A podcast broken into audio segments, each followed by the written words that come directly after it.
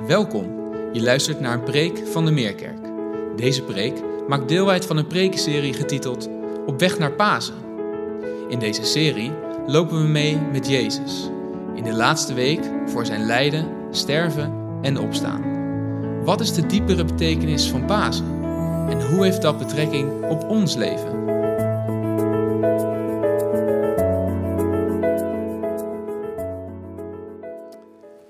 Goedemorgen. En dank, Meerkids, dank Hanneke. Dank Henrike. Wat mooi om onze kinderen van Meerkids te zien rond een maquette van Jeruzalem. Wat mooi hoe ze elkaar bevragen en elkaar antwoord geven. Kinderen voor kinderen, wat geweldig. En als daar leiding is zoals Hanneke en wat een oproep voor medewerkers hebben we laten horen. Wat een voorrecht om hen te leren, zodat zij het ook weer aan elkaar kunnen doorgeven. En dit filmpje liet dat eigenlijk zien. Wat mooi. Vertederend mooi ook. Toen ik het zag, ontroerde het mij. En we zijn samen met de kinderen van Meekids op weg nu naar Paas, op weg naar Jeruzalem. Om te zien wat daar gebeurt. En ik hoop zo, wat Hanneke ook zei, dat we vanmorgen ook hier in deze kerkzaal en zij met elkaar in hun groepen voelen alsof we erbij waren. Alsof erbij zijn. Wel, vandaag is het voor ons deel 2 hier in uh, de kerkzaal op weg naar Pasen. En we haken aan bij de meerkids die al eerder op weg gingen. En het Bijbelgedeelte wat we vandaag alle twee lezen en overdenken, komt uit Lucas 22. Dat is nu voor ons aan de beurt en voor hen. Het is best lang, van vers 14 tot vers 53 en dat zijn 39 versen. We gaan ze niet allemaal lezen, we nemen drie gedeelten en die worden gelezen, gelardeerd door de overdenking en we beginnen bij vers 14 en ik wil vragen of Henrike voor ons tot vers 20 wil lezen.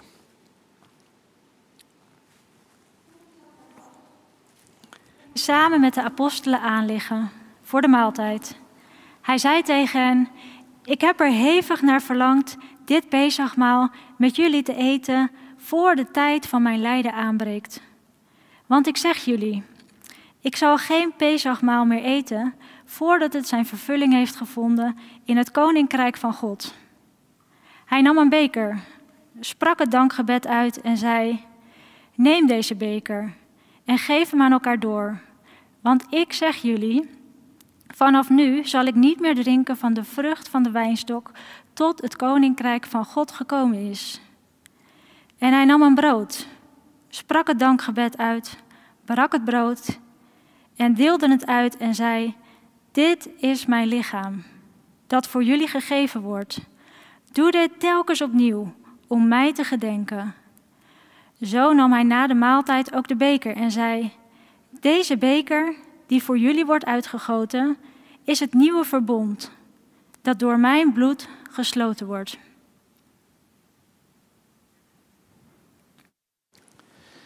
Dankjewel, Henrike.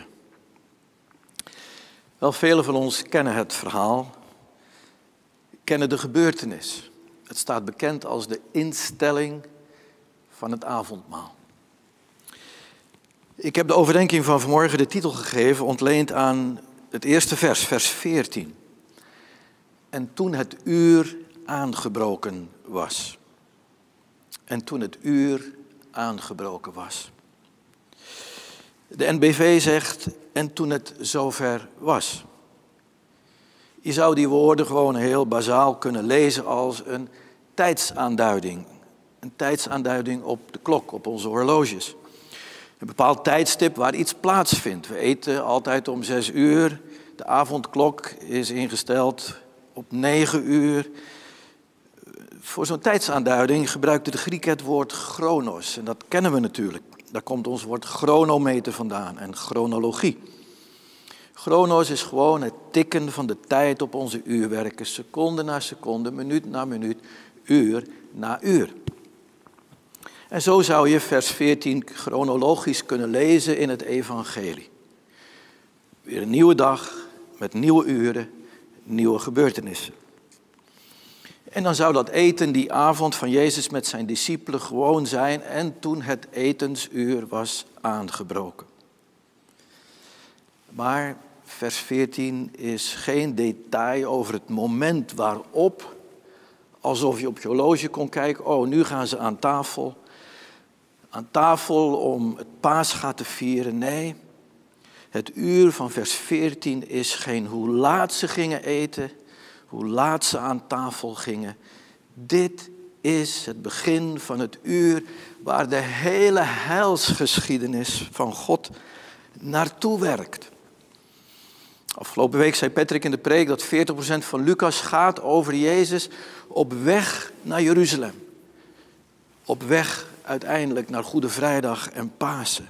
Op weg zou je kunnen zeggen naar het kruis. En als je even met me meeloopt in de camera, dan waren de ogen van Jezus gericht op dat kruis. Daartoe was hij in de wereld gekomen. En voor zo'n doorslaggevende gebeurtenis was er een ander woord in het Grieks. Dat was geen chronos, als het tikken van de tijd. Nee, dat was kairos.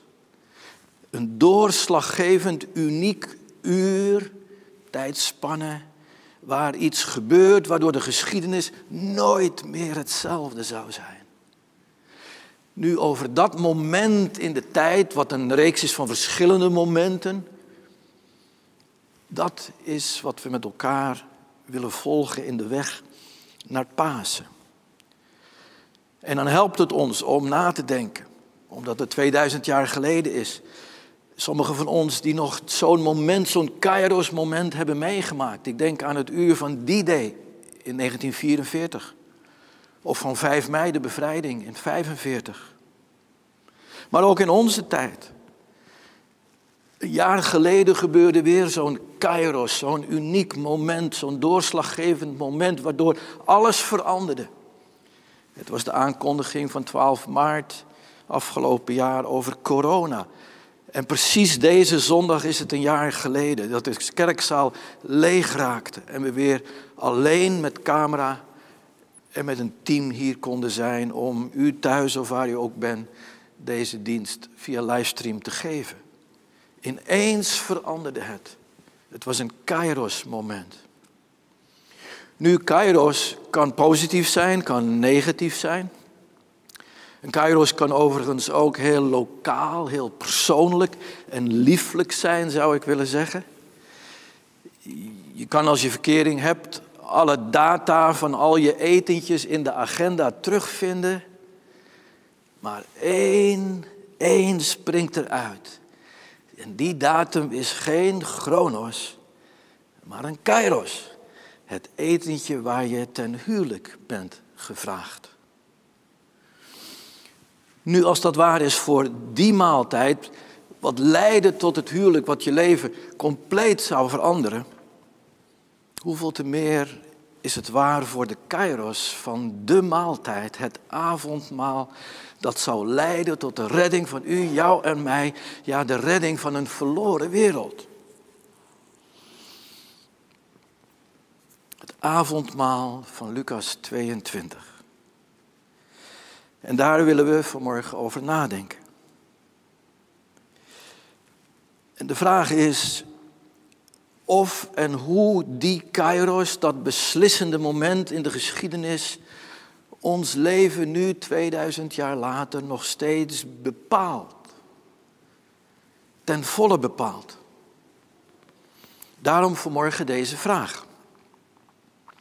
Hoe ver en hoe diep reikt die kairos, dat beslissende moment in de geschiedenis? Hoeveel betekent dat voor jou, voor mij? Hoe centraal staat dit moment in ons leven, ja, deze persoon, Jezus Christus, met wie dat moment gekomen is? Is er echt in ons leven een moment waar we ons vastgrijpen elke keer weer en zeggen, er was een tijd voor mijn kairos, toen ik Jezus kairos leerde kennen. En er was een tijd na die kairos. En er is alles, maar dan ook alles veranderd. En dat vanwege het feit dat Jezus ooit de weg ging van Goede Vrijdag en Pasen. En zijn ogen waren gericht om daar te doen waartoe hij in het leven geroepen was. Niet af te wijken naar links, niet af te wijken naar rechts. Zich niet te laten verleiden om deze beker, zou hij later zeggen, aan hem voorbij te laten gaan. Nee, hij zou hem drinken, deze kairos tot de laatste druppel. Nu, als die vraag zo indringend komt, heel persoonlijk, van wat betekent het voor jou tot op de dag van vandaag? Leef je eruit? Leef ik eruit? Is dit moment voor mij het moment in de wereldgeschiedenis wat nog steeds een effect heeft, zijn uitwerking, zijn impact in mijn leven? Sterker, het is mijn leven geworden, deze Jezus. Nu, als we deze Jezus willen zien door de tekenen van brood en wijn in de maaltijd van die avond, en, en we worden erover gevraagd, weet je, dan zijn we soms zo geneigd om, om, om, als we tenminste eerlijk met onszelf zijn, er veel makkelijker over te praten. Als, als, als iets wat we kunnen uitleggen, theologisch, bijbels, wat daar nou precies gebeurde, wat, wat dat heil was en wat Jezus bedoelde met brood en wijn en zijn lichaam en zijn bloed. We zouden er zelfs, als we meer van de Bijbel weten, zeker van het Oude Testament, het verband kunnen leggen tussen waarom Jezus, Jezus nu juist deze dag koos en dit uur om het Joodse paascha te vieren. En wat kunnen we daar veel van leren? Wat een rijkdom. Maar de vraag van morgen is, maar wat doet het vandaag met jou persoonlijk? Over die vraag willen we eerlijk met elkaar nadenken. En die vraag komt tot ons als een persoonlijke vraag, zoals hij hem stelde aan de discipelen en ook vanmorgen stelt heel persoonlijk aan ons. Het is deze vraag of we deze oproep willen beantwoorden. Doe dit telkens opnieuw om mij te gedenken. Doe dit telkens opnieuw om mij te gedenken. Lucas 22, vers 19b. Of zoals, en velen zullen die vertaling kennen, wat oudere vertaling zegt, doe dit tot mijn gedachtenis. Nu, wat doen we met die oproep in ons leven? Telkens opnieuw, telkens opnieuw Hem gedenken, aan Hem denken, Hem centraal stellen, Hem eigenlijk ons leven maken. Ze zeggen wel eens, dat is mijn bread and butter, dat is mijn leven. Wel, dit is het avondmaal. Is Hij je brood en wijn? Is Hij je spijs, een oud woord, je eten en je drank, je drinken? Is Hij je alles? En daarom vanmorgen die persoonlijke, indringende vraag. Anders gezegd, hoe groot is Jezus Kairos, Jezus uur, te midden van al mijn uren? Wat een opeenstapeling is van, van, van Kairos en Chronos, zoals elk leven van een mens Kairos kent en ook heel veel Chronos. Hoe groot is Jezus uur te midden van mijn uren? Hoe groot is zijn kairos te midden van mijn kairossen? En is het niet zo dat we soms denken, ja, als, ik, als er dit maar in mijn leven gebeurt, als dat maar anders zou lopen, als dit mij toch zou overkomen of gegeven zou worden, dan zal anders alles anders worden, dan zal alles veranderen. Als ik eenmaal dit maar heb. De gebeurtenis, het ding wat ik wil hebben, de kairos, dan zal mijn leven anders zijn. En hoe vaak denken we dat niet? En het moment dat we dat bereikt hebben, gekregen hebben, die gebeurtenis heeft plaatsgevonden, dan blijkt dat toch niet te geven de levensverandering die we ervan verwacht hadden.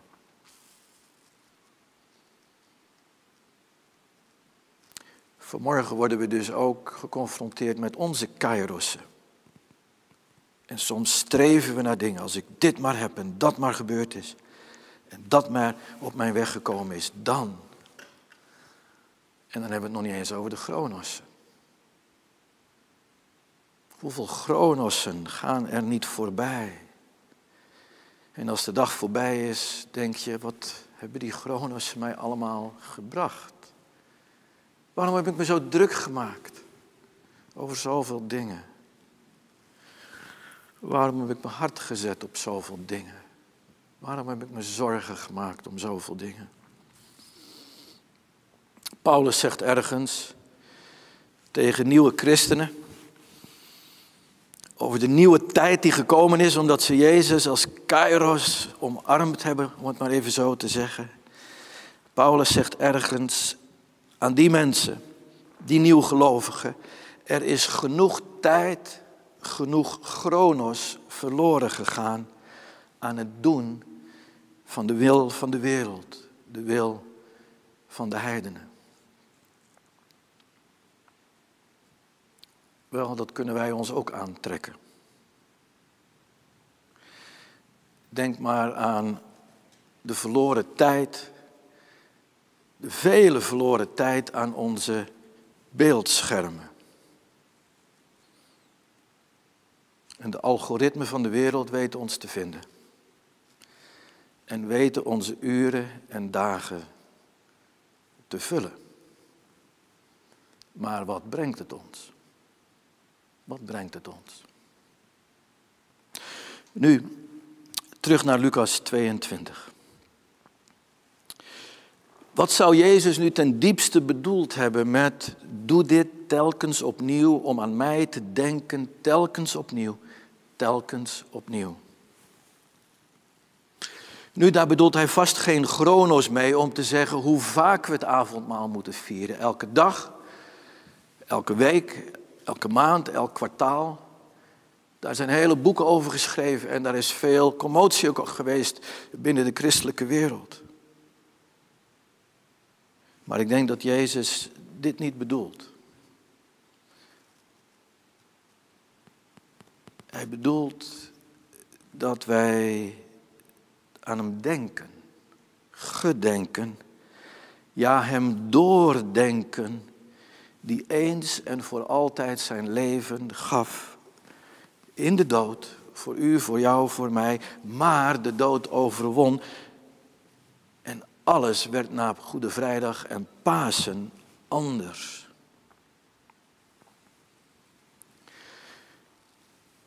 Nu zou je kunnen zeggen, zou je dat niet voor altijd gewoon als een feit in de geschiedenis, zoals je feitjes uit de geschiedenis en de vaderlandse geschiedenis en de wereldgeschiedenis op school leert, en zegt, oh ja, er is ooit een feit geweest, er was ooit een tijd en daar is Jezus gekomen en hij heeft dit en dit gedaan voor de mensheid. En dat feit, ja, dat is een feit ook voor mij en we leven weer verder. Nee, zo werkt het niet. Zo werkt het trouwens niet in het leven, maar zeker ook niet in het geloofsleven. Het geloofsleven is immers een relatie. Je kunt niet eens en voor altijd één keer tegen je geliefde zeggen: Ik hou van je, dat weet je nu. Dat hoef ik niet meer te herhalen. Je weet toch dat ik van je hou? Nee. Dat houden van moet als het ware uit je poriën komen. Dat moet gevoeld worden, dat moet geproefd worden, dat moet ervaren worden. Dat moet telkens opnieuw weer gezegd worden. Voel je de kracht van Jezus woorden? Doe dit telkens opnieuw weer.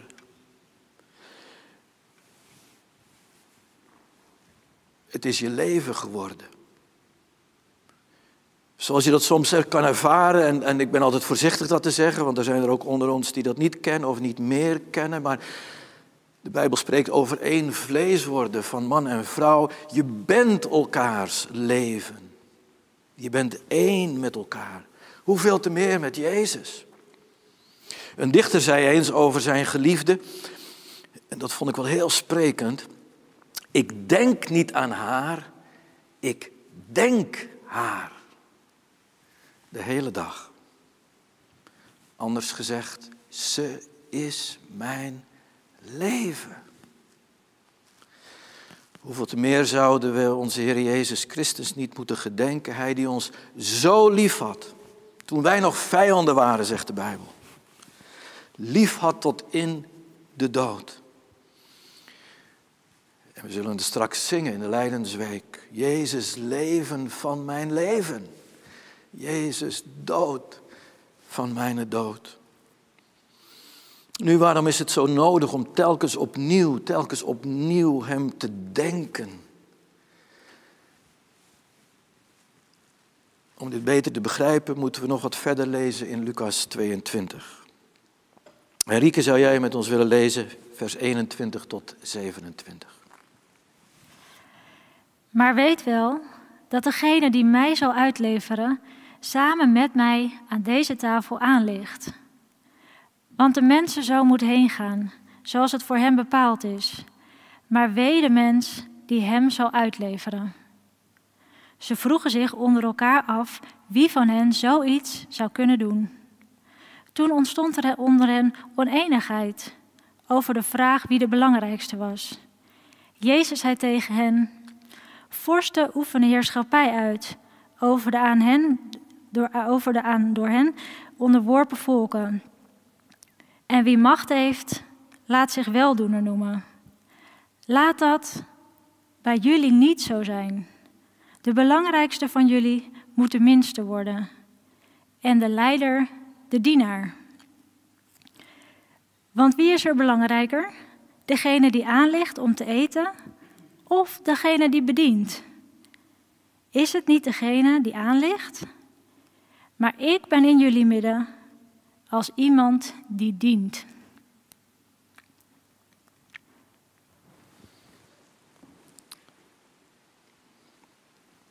Nu, bedenk dat deze gesprekken zich afspelen tijdens de maaltijd, tijdens het avondmaal, het paascha dus.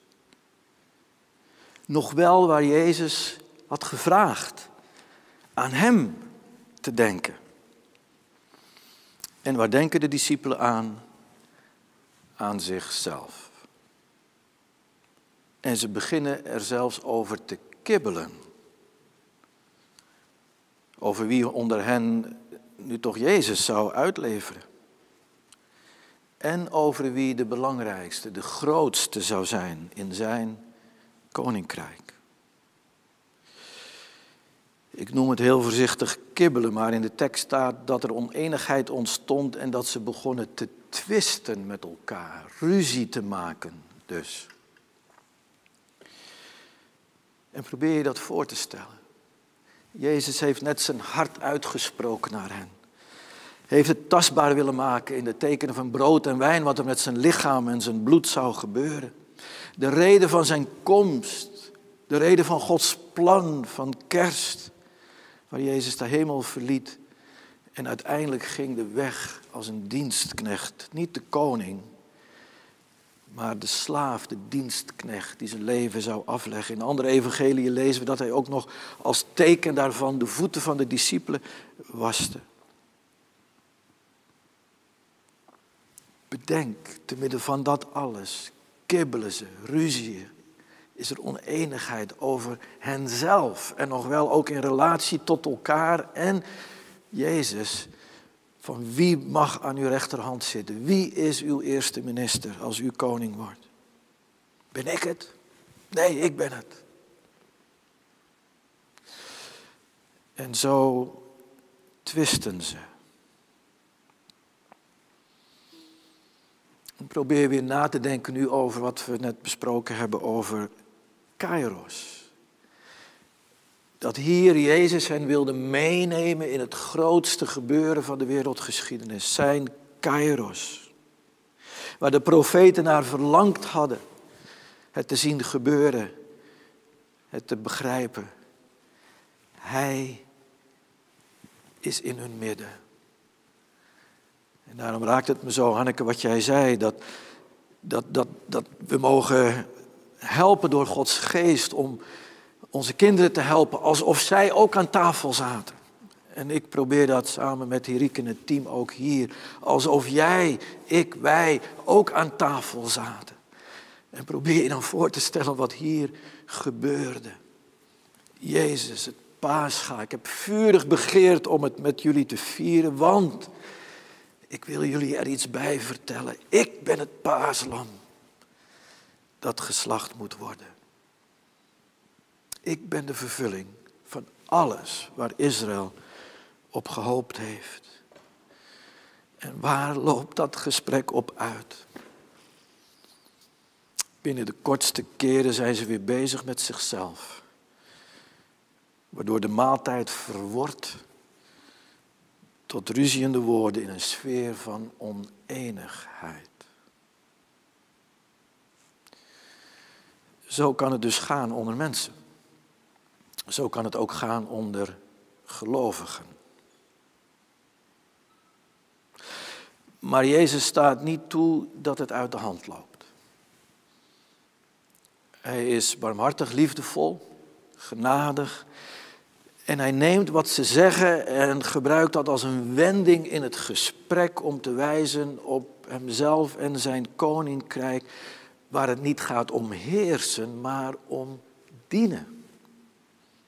Hij, de zoon des mensen, hij, de koning, de lang verwachte van koning van Israël, is gekomen om te dienen. Ja, uiteindelijk zijn leven af te leggen. Probeer het je voor te stellen. Wat een voorbeeld hij is, de schepper van hemel en aarde. Hij kwam, verliet de hemel en kwam om te dienen. Wat een voorbeeld. Ik ben zo blij en, en je zult er weer over lezen in ons jaarboekje van het jaarverslag. Dat we afgelopen jaar aan ons missiestatement en onze visie toegevoegd hebben de drie V's. Met onder andere de V van voorleven. Jezus leefde voor, dienend tot in de dood. Nu en dan, dan gebeurt er iets opmerkelijks. Je zou nu zeggen, nou, nou, nu worden de discipelen even stil van, oh, hoe hebben we onszelf zo centraal kunnen stellen? Ten koste van Jezus, ten koste van dit uur, dit kairos. Maar er gebeurt iets opmerkelijks. Als de discipelen dan terechtgewezen worden om niet te heersen, maar te dienen, dan slaat Petrus door naar de andere kant. Als, als dat zo is, dan wil ik niet de grootste en de belangrijkste zijn in uw koninkrijk. Nee, dan wil ik dienend zijn als de kleinste. Net als u, Heer Jezus. En dan voegt hij daaraan toe, dan ben ik bereid met u gevangen genomen te worden en te sterven.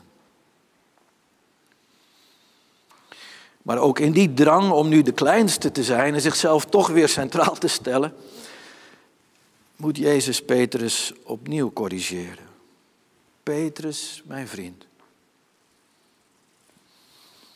Wat zal het anders gaan vannacht? Ja, ik zal gevangen genomen worden. Ja, ik zal sterven. Maar jij zult me tot driemaal toe verloochenen. Verloochenen. Wat een inkijk krijgen we hier in de menselijke natuur, die toch zo geneigd is zichzelf centraal te stellen. Zichzelf beter voortdoen ten opzichte van anderen. En niet Jezus te denken.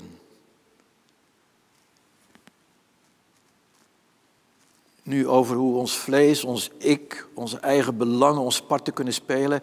Dat hebben we genoeg gezien in de serie over gelaten 5 en de vrucht van de geest. Van die vrucht zullen we het moeten hebben.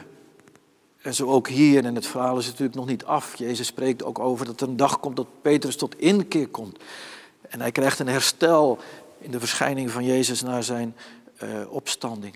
En daar komen we ongetwijfeld verderop nog op terug.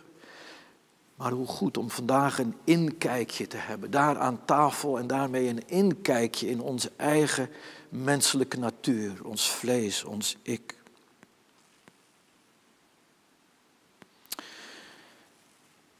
Nu en als de maaltijd is afgerond en dit alles heeft plaatsgevonden, dan duurt het niet lang of het moment komt dat Jezus met hen vertrekt naar de Olijfberg. Om daar in de hof van Gethsemane tegen de sloop, tegen de helling van de Olijfberg zijn strijd te voeren. Om zich over te geven aan de wil van God de Vader. en de beker niet aan hem voorbij te laten gaan waarvoor hij in dit leven geroepen is, de weg van het kruis. En als hij die strijd tot bloedens toegestreden heeft en terugkeert naar de discipelen, vindt hij hen slapende.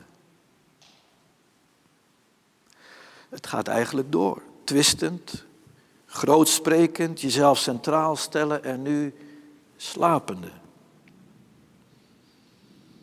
En Jezus spreekt hen aan. Sta op, bid dat je niet in verzoeking komt.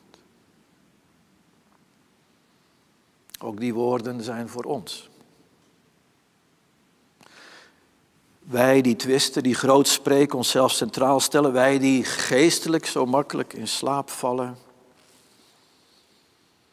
Ook hier worden we weer opgeroepen om Jezus centraal te stellen. Telkens opnieuw en opnieuw aan Hem te denken, te bidden, te waken. Hem te leven, Hem te denken. Oh, broeders en zusters, dat is geen overbodige luxe voor de discipelen en zeker ook niet voor ons. En zo zien we Jezus daar gaan en op een gegeven moment staan in de hof van Gethsemane. Te midden van zijn discipelen. Henrike, zou jij het laatste gedeelte met ons willen lezen over die hof en wat daar gebeurt, vers 47 tot 53. Terwijl hij nog sprak, kwam er opeens een horde mensen aan. Voorop liep de man die Judas heette, een van de twaalf. Hij ging naar Jezus toe om hem te kussen. Maar Jezus zei tegen hem: Judas, lever je de mensenzoon uit met een kus? Toen degenen die bij hem stonden zagen wat er ging gebeuren, vroegen ze: Zullen we er met een zwaard op losslaan? Een van hen sloeg in op de dienaar van de hoge priester en sloeg hem zijn rechteroor af. Maar Jezus zei: Houd daarmee op, zo is het genoeg. Hij raakte het oor aan en genas de man. Tegen de hoge priesters en tempelwachters en de oudsten van het volk die op hem afgekomen waren, zei hij: Als tegen een misdadiger bent u uitgetrokken, met knuppels en zwaarden. Dagelijks was ik bij u in de tempel, en toen hebt u geen vinger naar me uitgestoken. Maar dit is uw uur, het uur van de macht van de duisternis.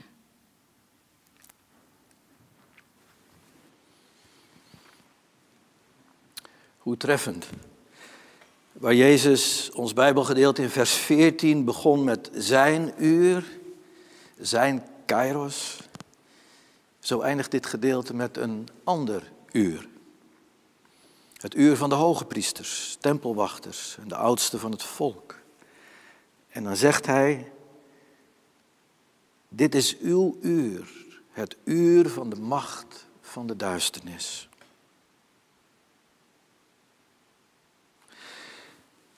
Het lijkt dat hun uur het gaat winnen van Jezus' uur.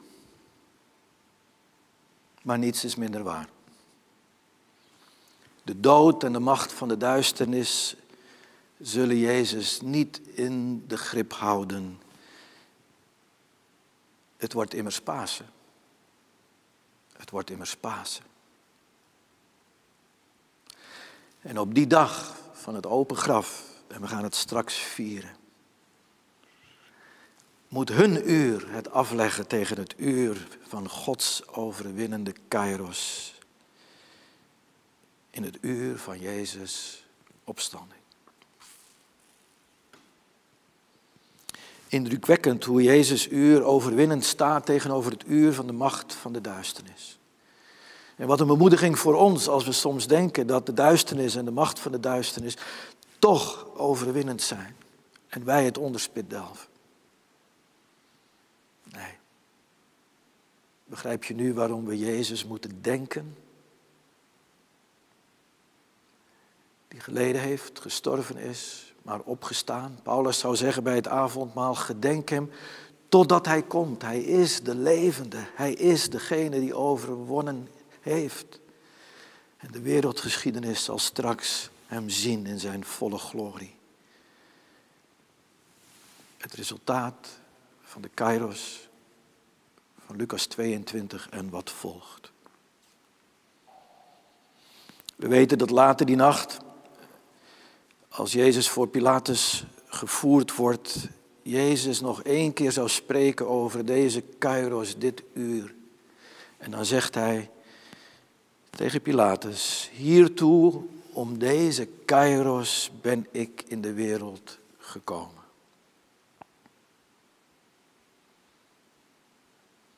Als dat het samenvat, dan kunnen we niet anders dan heel persoonlijk nadenken vandaag wat dit met ons doet en wat het voor ons betekent in de manier waarop we leven en ons leven inrichten. En het is overduidelijk.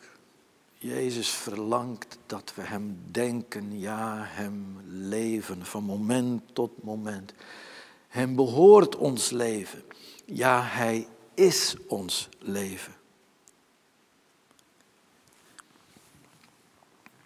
Is daarom dat we de woorden die zo bekend zijn van het avondmaal nu heel breed toepassen op ons hele leven van dag tot dag. Doe dit telkens opnieuw om mij te gedenken. En straks gaan we het doen. In de liturgie van de kerk, het heilige avondmaal op Goede Vrijdag, dan staan we extra stil om Hem te gedenken. Maar laten we niet de fout maken door te denken zo. Dan zit het voorlopig weer even op. We hebben avondmaal om de zoveel tijd en dan denken we en gedenken we en dan hebben we Goede Vrijdag en dan staan we er helemaal extra bij stil. Nou, dan hebben we een aantal keren per jaar en voldoen we aan de oproep van Jezus. Nee, dat zou een denkfout zijn. Dan zouden we het hebben over religie, waar je religieuze plichten doet en vervolgens je eigen leven weer leeft. Maar wij leven in een relatie met Jezus Christus. Moeten we Hem immers niet leven en denken elk moment van de dag? Toen ik samen met Judith in deze 40 dagen tijd op weg naar Paas hierover nadacht en sprak, groeide bij ons het verlangen om onze maaltijden veel christocentrischer te maken. Dat wil zeggen, om ook onze gewone dagelijkse maaltijden, om daar aan Jezus oproep gehoor te geven, Hem te gedenken. Ik verwijs nog één keer naar jou, Hanneke. Vind je niet erg, hè? Hanneke noemde het al om onze maaltijden te maken tot een ontmoeting met Jezus. En niet even bidden om een zegen of ons lijstje van alles wat ons bezighoudt met onze kairos en chronos, maar eventjes voor te leggen of Jezus het niet voor ons kan regelen. Dat mag en dat is goed en dat is begrijpelijk, maar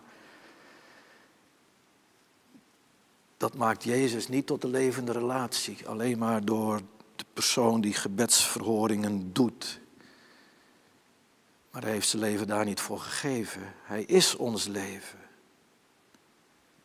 We denken hem, los van onze gebedslijstjes.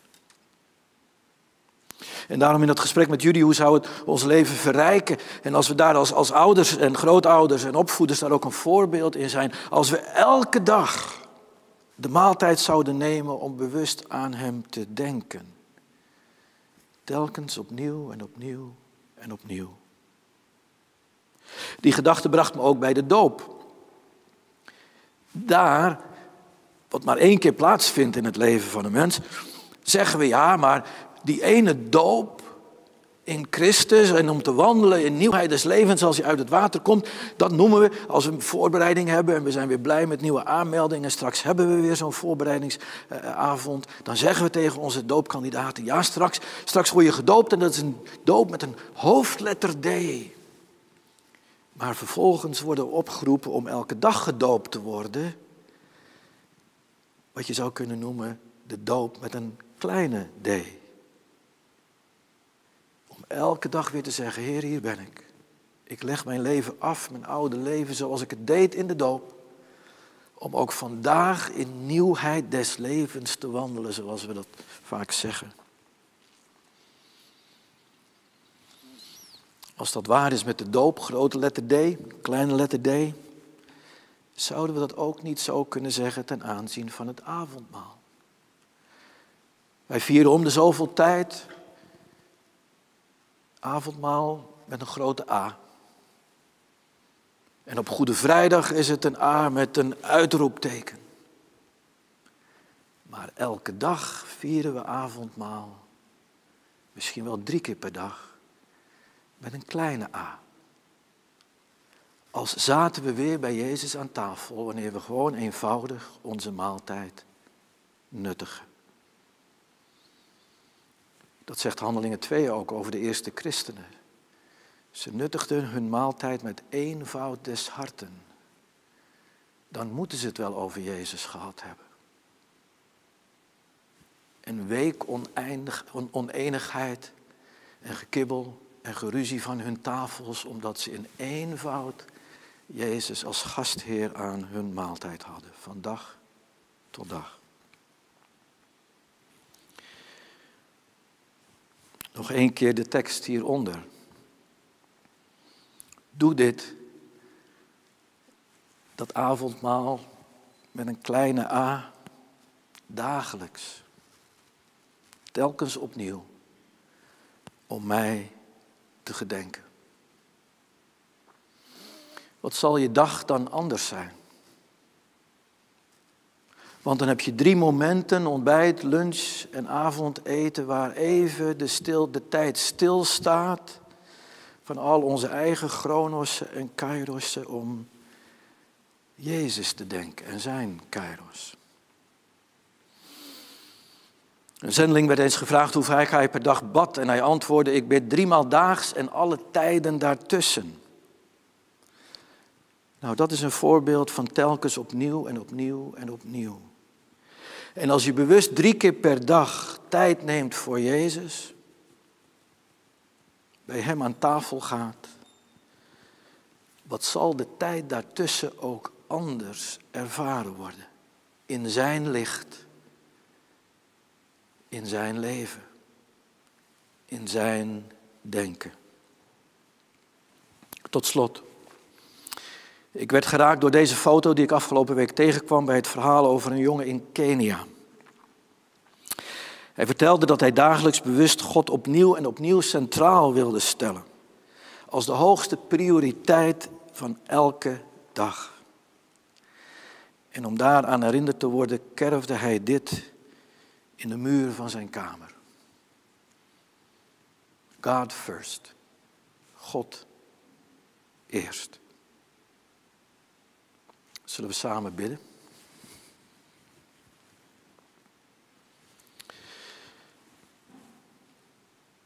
Heren, we danken u voor uw liefde, uw genade, uw trouw, uw goedheid om vanmorgen bij u aan tafel te zitten, in uw hart te kijken, maar ook eerlijk en open en kwetsbaar ons eigen hart te zien.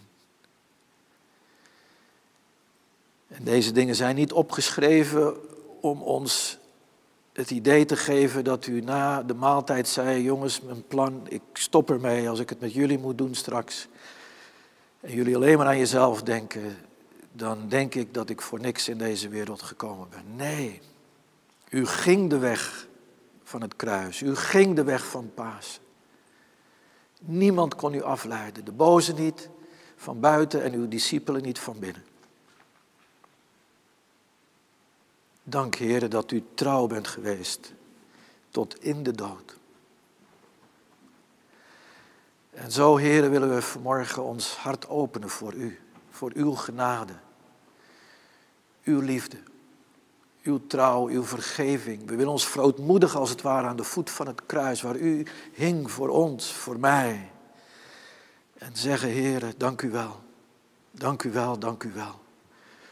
Jezus, leven van mijn leven. Jezus, dood van mijn dood. Geef de genade om u te gedenken, telkens weer, telkens weer. Ja, u te denken, u te leven, vol te zijn van uw geest. Mogen we zo een moment stil zijn om onszelf in verootmoediging over te geven aan u.